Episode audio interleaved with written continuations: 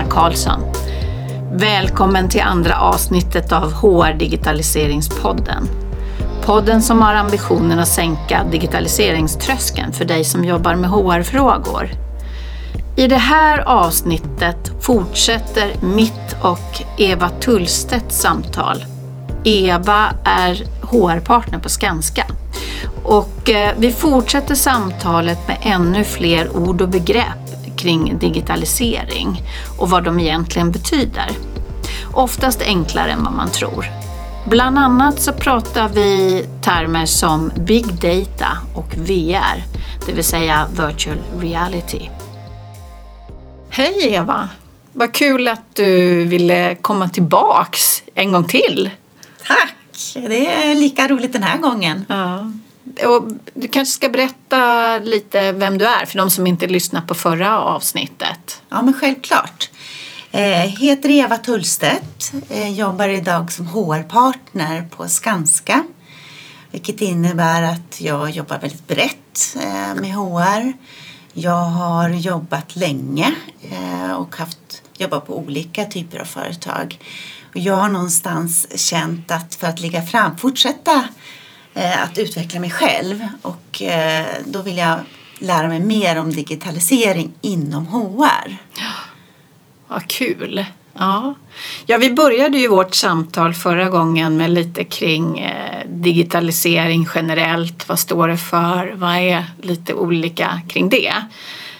Så jag tänkte vi kunde börja ta upp tråden, det vi avslutade lite förra gången. Vi pratade om molntjänster och så diskuterade vi fördelar, fördelar med molntjänster eh, eh, och kanske nackdelar också och oro. Eh, men en sak vi inte tog upp som jag tänkte på det är det här med molntjänster. Det är ju någonting som eh, faktiskt eh, inte bara gäller system utan det kan vara alltså färdiga lösningar utan det kan även vara bara att eh, företag köper datakraft. Alltså de köper liksom det mm. behöver inte riktigt vara, man, man kan tro att det alltid är ett system som man köper men så är det inte. Det kan, kan vara lagring eller jag tänker på Vasaloppet. Ja. så här mitt i sommaren ja. när vi sitter här, en varm dag. Eh, Vasaloppet är ju ett, eh, en lösning som de levererar med extremt mycket kraft just de dagarna när Vasaloppet går. Och det betyder ju att det företaget, alltså Vasaloppet som organisation, de har ju inte den datakraften. Mm. Men då kan de köpa just, just under tiden när loppet går och alla ska kolla sina tider och alla ska vara där, du vet, det blir en riktig hype. Eller när anmälningar är. Då genom att köpa både datakraft och lagring liksom på kran då. Mm. Då kan du skruva på stora stora eh, brandsprutan den dagen när det behövs. Och mm. det är att köpa molntjänster också. Så det är inte bara liksom att man köper system eller appar som man troligtvis tänker på mest mm. som, som individ. Ja, då låter det ju som att man har möjligheten att göra liksom one-off om man vill det, alltså begränsat i tid. Ja, precis. Och inte bara den här kraften. Så begränsat i tid och då extra kraft eller ja, tillfälligt behov mm. för någonting man ska göra. Mm. Och det kan man köpa som molntjänster. Mm. Men när man pratar om HR då då tänker jag oftast på att man köper någonting som heter software as a service. Det betyder att man köper en, en, en lösning, en applikation, ett system mm. som, som en tjänst. Mm. Och det pratade vi lite om förra gången, att man skillnad mellan att installera någonting om man köper någonting, om man köper ett lönesystem mm. och så kommer leverantören och så installerar man det på datorer innanför företagets liksom, eh, miljö på mm. deras datorer. Mm. Då är det ju inte någon molntjänst. Och då är det ju företaget som har ansvar för och då måste man hålla ordning på liksom hur det fungerar och man kan göra mycket anpassningar då. Mm. Det är ju en fördel. Men nu när man tittar på HR-system så är de oftast i molnet. Även lönedelen? Eh, det kan inte jag tillräckligt mycket om. Som man, för lön, ja det måste jag faktiskt fråga om. Jag gissar att det går mot molnlösningar där också. Att man slipper ha det installerat. Eh, men det kan jag kolla upp. Så får jag svara jag, på det. Jag skulle gissa att det finns en enorm rädsla hos HR. Att, för det är så, eh, kan vara känsligt tänker jag. att eh, man, eh, Tänk om man tappar. Ja, fast det, jag tror det egentligen är säkrare att ha det i en, eh, en leverantörs molntjänst Ja. som har duplicerade datahallar och annat. Ja, just det. Ja. Jag tror, och- det är väl det, det som är ganska vanligt att man blir lite orolig för om inte jag har kontroll, om inte jag äger liksom Ja. allt på min plats. Ja. Men utifrån mitt perspektiv som har jobbat med IT så länge så säger jag säkrare lägger det hos en, en leverantör. Ja. Som, men då måste de ju vara bra. Vi har ju hört om problem med skoldata till exempel Mm. som ja, hackat. Tappar man då eh, den här eh, att man vill företagsanpassa, tror du? Ja, till viss del gör man det. Ja. Eh, Man får ge och ta. För att om man köper mm, ett system för eh, rekrytering eh, det har ju oftast folk eh, i en molntjänst. Och då bestämmer ju du, då kan antingen du köpa ett system som redan har en process som är liksom uppbyggd och klar. Du kanske inte kan göra så mycket förändringar i det.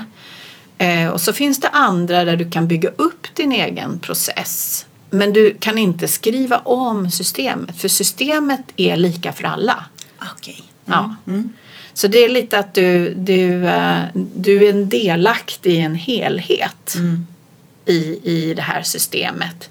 Du, eh, du gör din företagsanpassning utifrån processer men är liksom inte, du kan inte riktigt förändra. Så ofta när du köper ett nytt system och ska ha det i molnet då har ju leverantörerna ofta väldigt moderna processer, processkartor för att göra det här.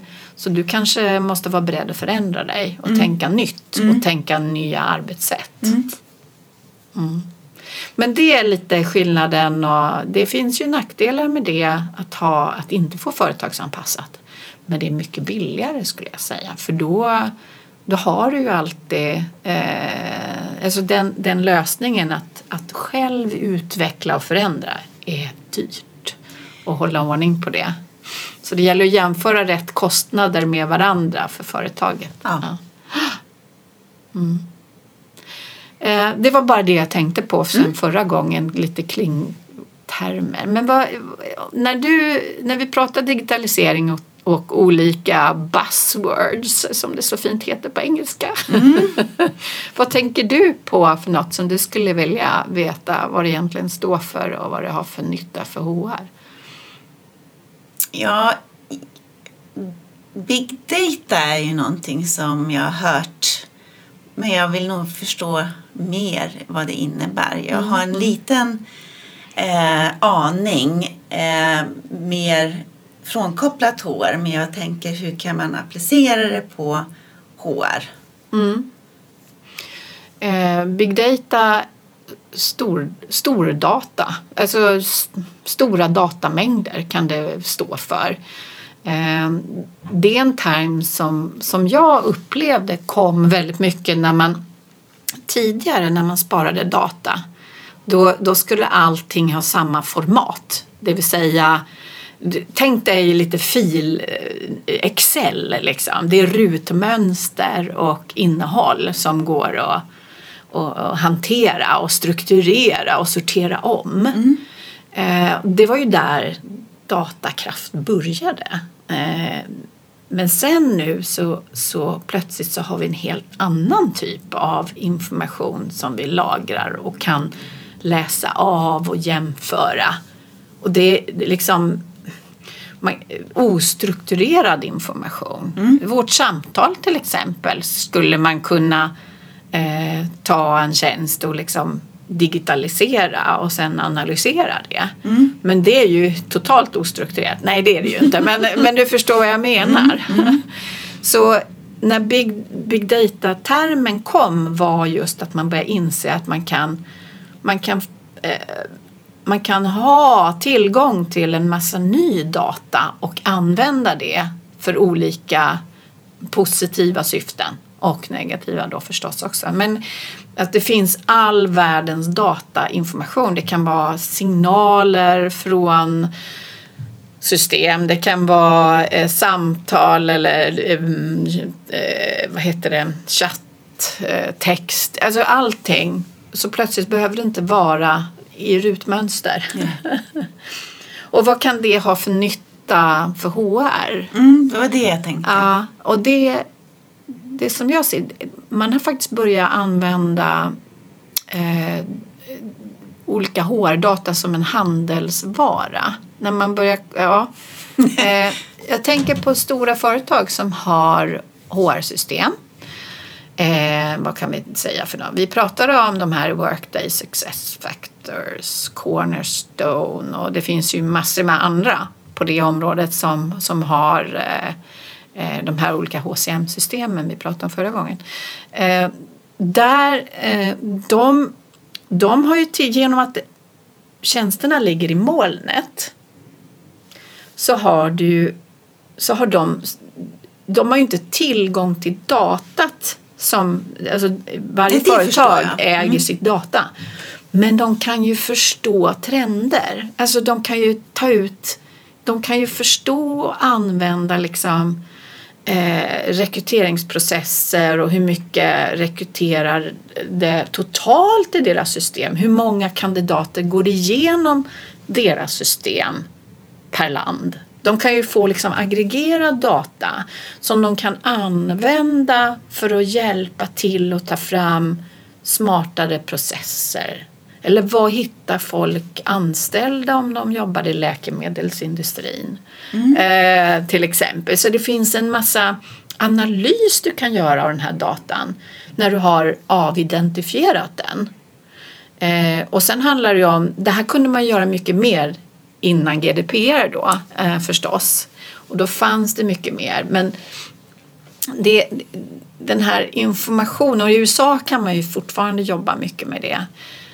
Men det handlar ju om hur, hur man använder informationen. Men man kan förstå väldigt mycket om hur det är att vara medarbetare på, ett, på större skal, liksom, skalbarhet.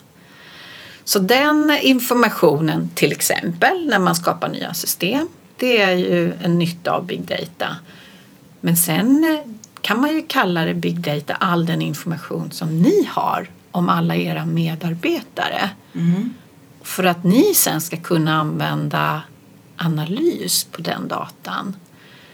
Det finns en annan term som heter people analytics eller äh, äh, äh, HR-analytics, eh, eller analys helt enkelt.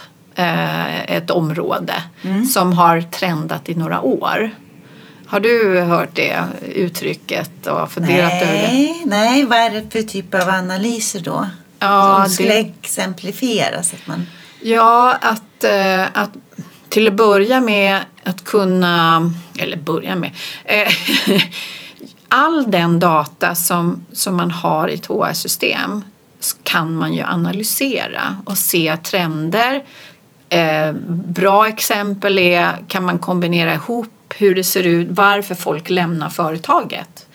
Man kan använda då ett analysverktyg på all, all all din data du har tillgång mm. till mm. om dina anställda. Mm. Alltså var kom de ifrån, hur länge har de varit anställda, var ligger de i lönespannet, vilken ålder har de, vilken ort tillhör de, hur svarar de på medarbetarundersökningen. Alltså möjligheten att kombinera all den här informationen och förstå faktiskt vad är det som driver att man börjar eller att man lämnar företaget då använder man liksom People Analytics. Nu klickar det faktiskt. Polletten trillade ner när du la till medarbet hur man svarar till medarbetarenkäten. Ja. För annars hade jag lite för svårt att förstå hur det här skulle kunna eh, ersätta eh, avgångssamtal om jag säger så. Ja, ja. Eh, men där, ja. För det, det när man pratar om att ha en massa data som man kan använda och kunna göra analys på det, då är det ju att man kan se sånt som inte kanske inte ens medarbetaren själv förstår eller HR förstår. Mm. Man kan ana. Eh, jag vet att det gjordes en undersökning på eh, vad heter det, sån här young äh, graduates, vad heter det på svenska, graduates-program, att man tar in eh, Trainee. direkt trainees eller direkt från skolan, ja. oprövade kort ja. Ja. helt enkelt. Mm. Och var det ett företag i Danmark som jag var med och, och jobbade på, de tittade på okej, okay, varför vilka blir egentligen framgångsrika? För man väljer ju liksom en process när man ska ta in graduates. Mm. Ja, men vilka är det faktiskt som stannar och fungerar på vårt företag? Det var jättesvårt att säga. Liksom. Eh, det gick inte att se i, i materialet men där plockade man ihop allt från eh, att man gjorde olika tester när man kom. Eh, mm. För när du jobbar med, med den typen av personer så jobbar du ju ofta med att försöka testa dem för att se vad de har för förmågor. Mm. Eh, och sen, ja, liksom, var kom de ifrån för skola och ja, all den här bakgrunden. Då. Men där hittade de att det hade ingenting om vilken skola de gick eller så utan det var deras kognitiva förmåga som var det som var liksom, kommer de att kunna lyckas här på företaget? Alltså hur, hur pass stannar de? Jo, men de måste vara förändringsbara, de måste kunna anpassa sig och vara väldigt flexibla in i huvudet. Eh, då väcks en fråga hos mig. Är det så att verktyget i i sig självt hjälper till med analysen eller behöver man som HR vara väldigt analytiskt lagd för att man ska veta hur man använder verktyget? Jag tror att man behöver hjälp av någon som är duktig på data. Eh, det kallas för en data scientist. Och det var faktiskt någonting, eh, eh, det var någon podd jag lyssnade på nyligen som bara gick in och pratade om det som helhet. Men det, man kan, är man dataintresserad, man kan ju lära sig att förstå eh, allt man får ut. Mm. Men, men det är tyvärr inte så enkelt så att man bara sätter på ett verktyg på sitt eh, system och så säger den japp. Nej, jag förstår det. Vissa, eh, vissa av de här stora HCM-verktygen de har ju analyser och rekryteringsverktyg. De får ut, men då är det ju oftast separat bara HR-data. Mm. För det spännande är ju när du börjar koppla in liksom, extern data som eh, affärsresultat till, du vet, mm. då, då kan det hända grejer. Men då behöver du ha en dataanalytiker i någon form som hjälper dig. Mm. Eh, och finansavdelningarna har ju oftast det. Mm. Eh, men de förstår ju sig inte riktigt på HR. jag tänkte faktiskt att jag skulle ha ett avsnitt just om analys och gå lite mer på djupet på det. Vad man kan göra. För jag känner lite olika personer som jobbar med det. Som är djupare och bättre på att förklara. Det ser jag fram emot. Ja, för ja. jag tycker det är jättespännande. Det här är ett område som, ja men som sagt, det hypade mm. för några år sedan och nu har det varit lite mer tyst. Okej. Okay. Eh, för att? Man har bytt och pratar om AI istället. Kommer vi in på ett nytt eh, ja, password? ja, precis. Artificiell intelligens. Ja, det vet jag att det står för. Men, ja. men nyttan där för HR? Det får vi ta ett eget eh, avsnitt på faktiskt. Mm. Eh, AI, men jag kan ju säga att A, för att AI ska fungera så måste du ha data. Så då är big data något nödvändigt. Mm, mm. Att du har information, att du tar tillvara och ser till att dina leverantörer, att du har tillgång till data. Mm. Och det gäller ju, sen är det ju GDPR-reglerna att du bara måste tala om vad du använder datan till och du måste kunna liksom ha spårbarhet och det har alla eh, bra system. Eh, men, men för att kunna jobba mer nytänkande med AI-lösningar, ja då behöver du data. Mm. Sen finns det vissa lösningar som behöver den här stora, stora datan som leverantörerna har förståelse för. Mm. Eh, det, men vi tar det nog AI och machine learning och alla de här robotisering. Det får bli ett eget litet avsnitt tror jag. eh, nu, nu svarar du faktiskt på en av eh, frågorna som jag har haft medan ja. vi har pratat kring big data. Ja. Att eh,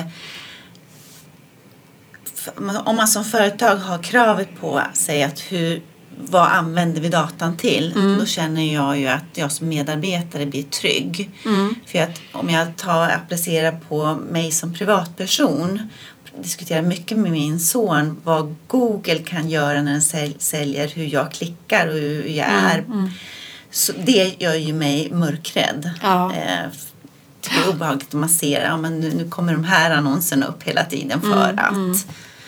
Eh, men då har jag liksom svarat på den frågan att då känner jag mig trygg som medarbetare om jag vet vad faktiskt eh, företaget gör med all den här informationen. Ja, och det är ju skillnad på vad som händer utanför företagets väggar. För i där kan man ju, inom företag kan man ju kontrollera, man vet ju, ska veta mm. var all data finns. Mm.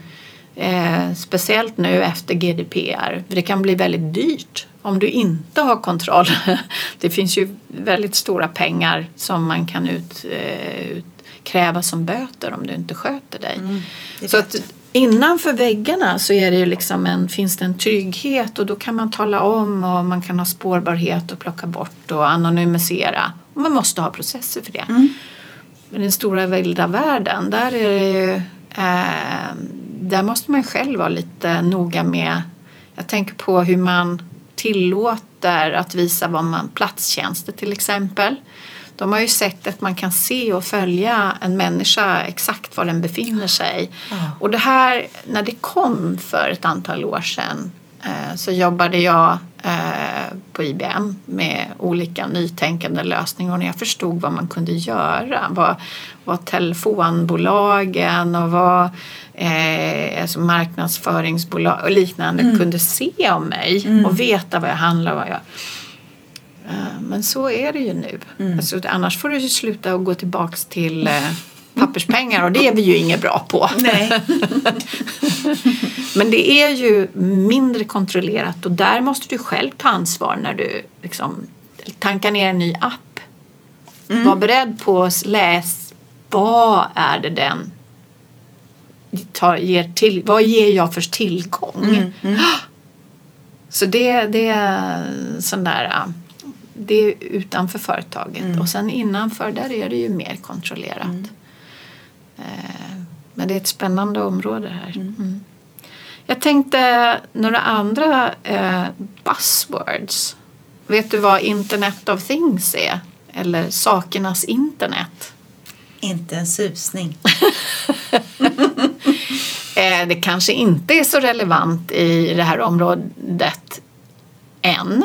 Eh, men eh, det handlar om, jag tänkte det är lika bra vi går igenom de här lite, vad, vad står det för? Mm, mm. Eh, det betyder att man kan ha små, små, små, små miniatyrsändare i, i, all, i alla möjliga saker. Vad jag förstår kan man till och med ha som Ja men tala om, alltså elektroniken i bilen till exempel har ju förändrats så, så eh, bilarna kan prata med sin tillverkare och säga har du sånt eller? Eh, min sambo är jätteintresserad av det. Han tog just det här bilexemplet. Ja. Att när du krockar så får en eller får problem med bilen så kan de eh, skicka ut eh, rätt hjälp. Mm, mm, och mm. de vet vad det är och de vet vad det är för fel. Exakt.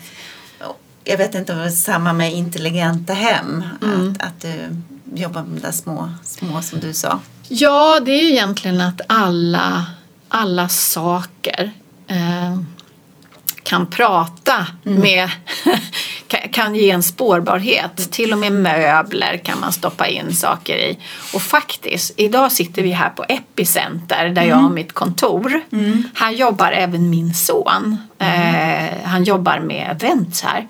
Han, när han började här, fick han ett litet chip i sin hand. Det tycker jag är jättehäftigt. Och lite läskigt. Lite läskigt, men vi har pratat väldigt mycket om det. Och vad jag då har lärt mig kring de här små chippen, det är ju att man stoppar in ett litet chip, men det är inaktivt. Alltså det, det skickar inget, det är inte så att man går omkring med en sändare som är på hela Nej. tiden.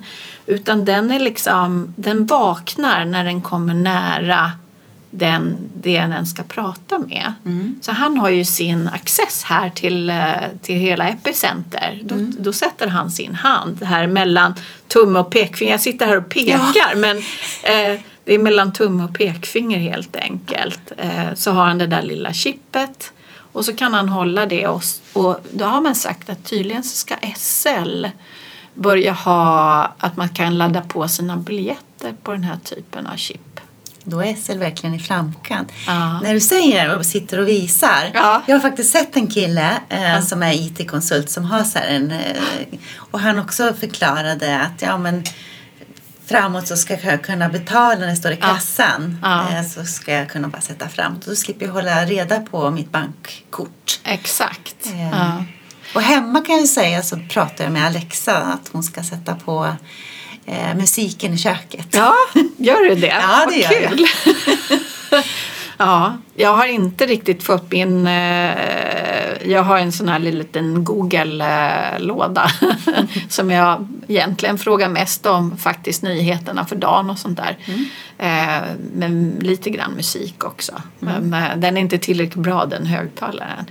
Men det är ju hela den här att det finns så mycket uppkopplade enheter med varandra. Det är det här ordet då, Internet of Things. IoT förkortas det. IoT eller sakernas internet på svenska. Men det tänkte det var lämpligt att ta upp ändå. Sen eh, tänkte jag prata om ett annat som också är sådär som börjar dyka upp inom HR och det är blockchain. Är det då, du ser helt Det, frågande ja, men det är så här, jag, jag pratade lite med, nu refererar jag till min sambo, men jag har för mig att han kunde förklara det, men nu är det helt borta. Får vi se Ja. om, du, om, Ja. om det klickar. Eh, man kan säga så här, det, det togs fram för att eh, säkra upp eh, man kan säga så här att en, en kedja av säkerhetsnycklar på data. nu låter det. Fortsätt. Men alltså, om du tänker dig på att du ska vara säker på att transaktioner, att eh, dokument verkligen är, om någon skickar det till dig så ska du vara väldigt säker på att det dokumentet som kommer fram inte har blivit manipulerat. Om du pratar om, eh, ja vad kan det vara, det kan vara certifikat i olika former som ska skickas digitalt. För det går ju fortfarande att manipulera om du ska skicka från ett land till ett annat. Ni har inte samma e-mailsystem, alltså det är inte innanför era säkrade väggar och ni inte har kontroll på det så behöver man liksom ha som digitala stämplar som säger att, eller sigill som har säkrat upp informationen, som lagt ett lager runt att det bara det här är vad det var. Det här är vad vi säger att det ska vara. Så det finns som en, en säkerhetsgrej. Om man inte har en blockchain, Ja. vem är det, eller vilka är det som har ett, eller ett intresse i att gå och manipulera, blir ju min fråga. Va, så att man förstår ja, behovet. jag skulle kunna ta ett, ehm, ett mer då aktuellt HR-exempel. Eh, tänk på eh, CVs. CV, det finns ju liksom en lag att det måste vara sanning i den. Nej. Men tänk dig att eh, framöver så är CVn säkrad med blockchain. Det betyder att dina tidigare arbetsgivare eller uppdragsgivare när de skriver någonting om dig i, och säkra det med blockchain så går inte det att manipulera. Utan du kan vara säker på att det den har uppgivit kring sin bakgrund är korrekt. Och det kanske inte är vem som helst anställd då, men om det handlar om läkare och Ah. sjukvårdspersonal Mm. så det är ju extremt viktigt att, att det här eh, utbildningen, de kan ju bara säga, alltså förstår du? Mm. Egentligen, det finns ju läkare som agerar som inte är riktiga läkare. Jag har jobbat inom vården så jag nu Ja, du har det? Ja, Ja. Mm. med hår. Ja. Och det, det här är ju, eh, det börjar dyka upp diskussioner kring vad blockchain kan göra för HR. Och det är just det här med att säkra upp informationen som du faktiskt ger om dig själv. Ehm, och det kan ju också, när vi tar referenser, hur vet vi? Det är ju många som levererar olika system nu för att kunna i Sverige använda till exempel BankID för att eh, vi certifiera att du är den du är när du ger din referens. Eh, eller andra typer av säkra upp, för det är ju ett problem. Man kan ju faktiskt få medarbetare man inte vill ha hos sig. Mm. Och jag kopplar till det vi har inom byggbranschen. Vi har ju något som heter ID06 och det har ju för att ha koll på att de, bolag, de underentreprenörer vi jobbar med eh, är seriösa utifrån ett kollektivavtal. Och då när vi eh, vad heter det, fick nya ID06 då var vi tvungna att jobba med BankID för att säkra upp att eh, det verkligen var rätt personer som fick det nya kortet. Ja. Så, så lite så att kunna säkra upp information och det, nu används det här i bank, eh, det här bitcoin som finns på nätet, Ja. man, man, pengarna, det använder tydligen det här blockchain. Men jag kan inte jättemycket om det. Utan jag funderar ju mer på hur det kan användas då inom HR. Eh, och då är det ju just det här att kunna faktiskt ja, men veta att, den är, att det är riktigt och jobbar över flera länder. Jag menar, då måste du ju ha något som fungerar internationellt. Då fungerar, funkar ju inte BankID. Nej, Liksom. det vet jag.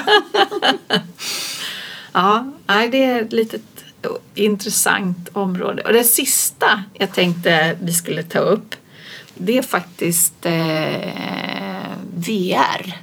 Ja, bra. Den har jag ju tänkt på. Har du det? Ja. Du vet, vet du vad det står för? Virtual reality. Ja, precis. Har du provat någon gång? Jag vet inte. Nej, du vet inte. Virtual reality, det är som att Jo, det är när man sätter på sådana här äh, Glasögon. glasögon. Ja. Det har vi i byggbranschen. För det? att se 3, 3D på bygget. ja, det är virtual Ja, reality. jag vet ju det. När man väl börjar prata om det. Ja.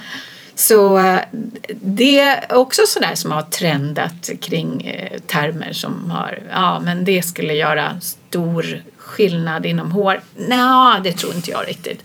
Men däremot utbildning, just eh, i olika branscher och yrken. För att sätter du på dig en sån här då ansiktsgrej som ser ut som någon slags simglasögon, nej vad heter det?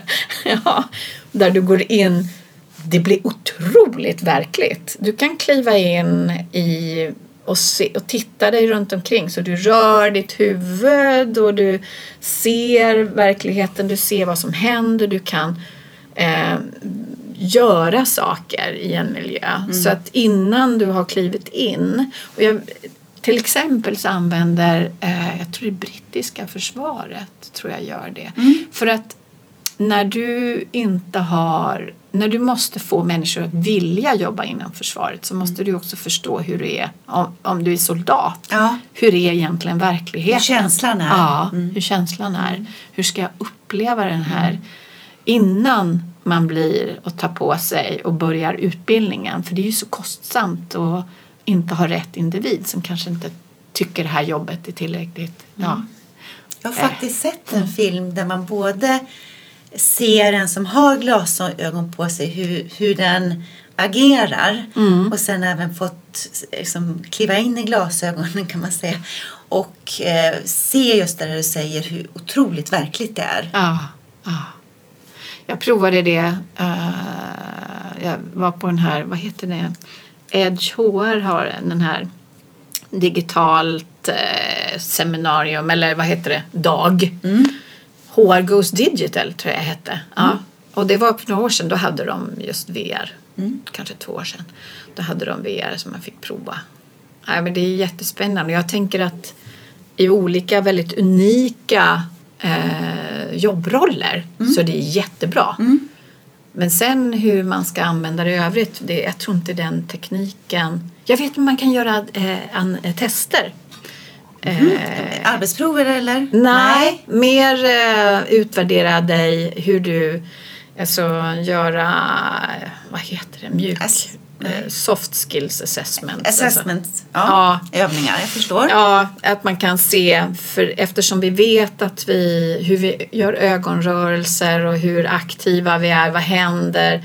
Är vi påslagna? Hur rör vi oss? För då fångar den här VR-kameran också ditt mönster i rörelser och sådär och inte bara eh, att man svarar på frågor. Ja, det är ju helt klockrent. Ja. Det, det känns ju som att det blir eh, mer sä- liksom, trovärdigt. Ja. För du kan ju svara lite som du tror att de förväntar sig. Ja. Men kroppsligen tror inte jag att du, du tänker inte på jag vet ju bara det här om man tittar upp, eh, om man ljuger, då säger Ja. de att man tittar åt ett visst håll. Precis, man letar efter svaren Ja. eller om man, om, om man ska tänka och komma på. Det känner ju jag. Jag gör ju, sitter ju här och gör det så här. När, om, om jag ska berätta någonting, hur var det där? Så tittar man upp. Ja.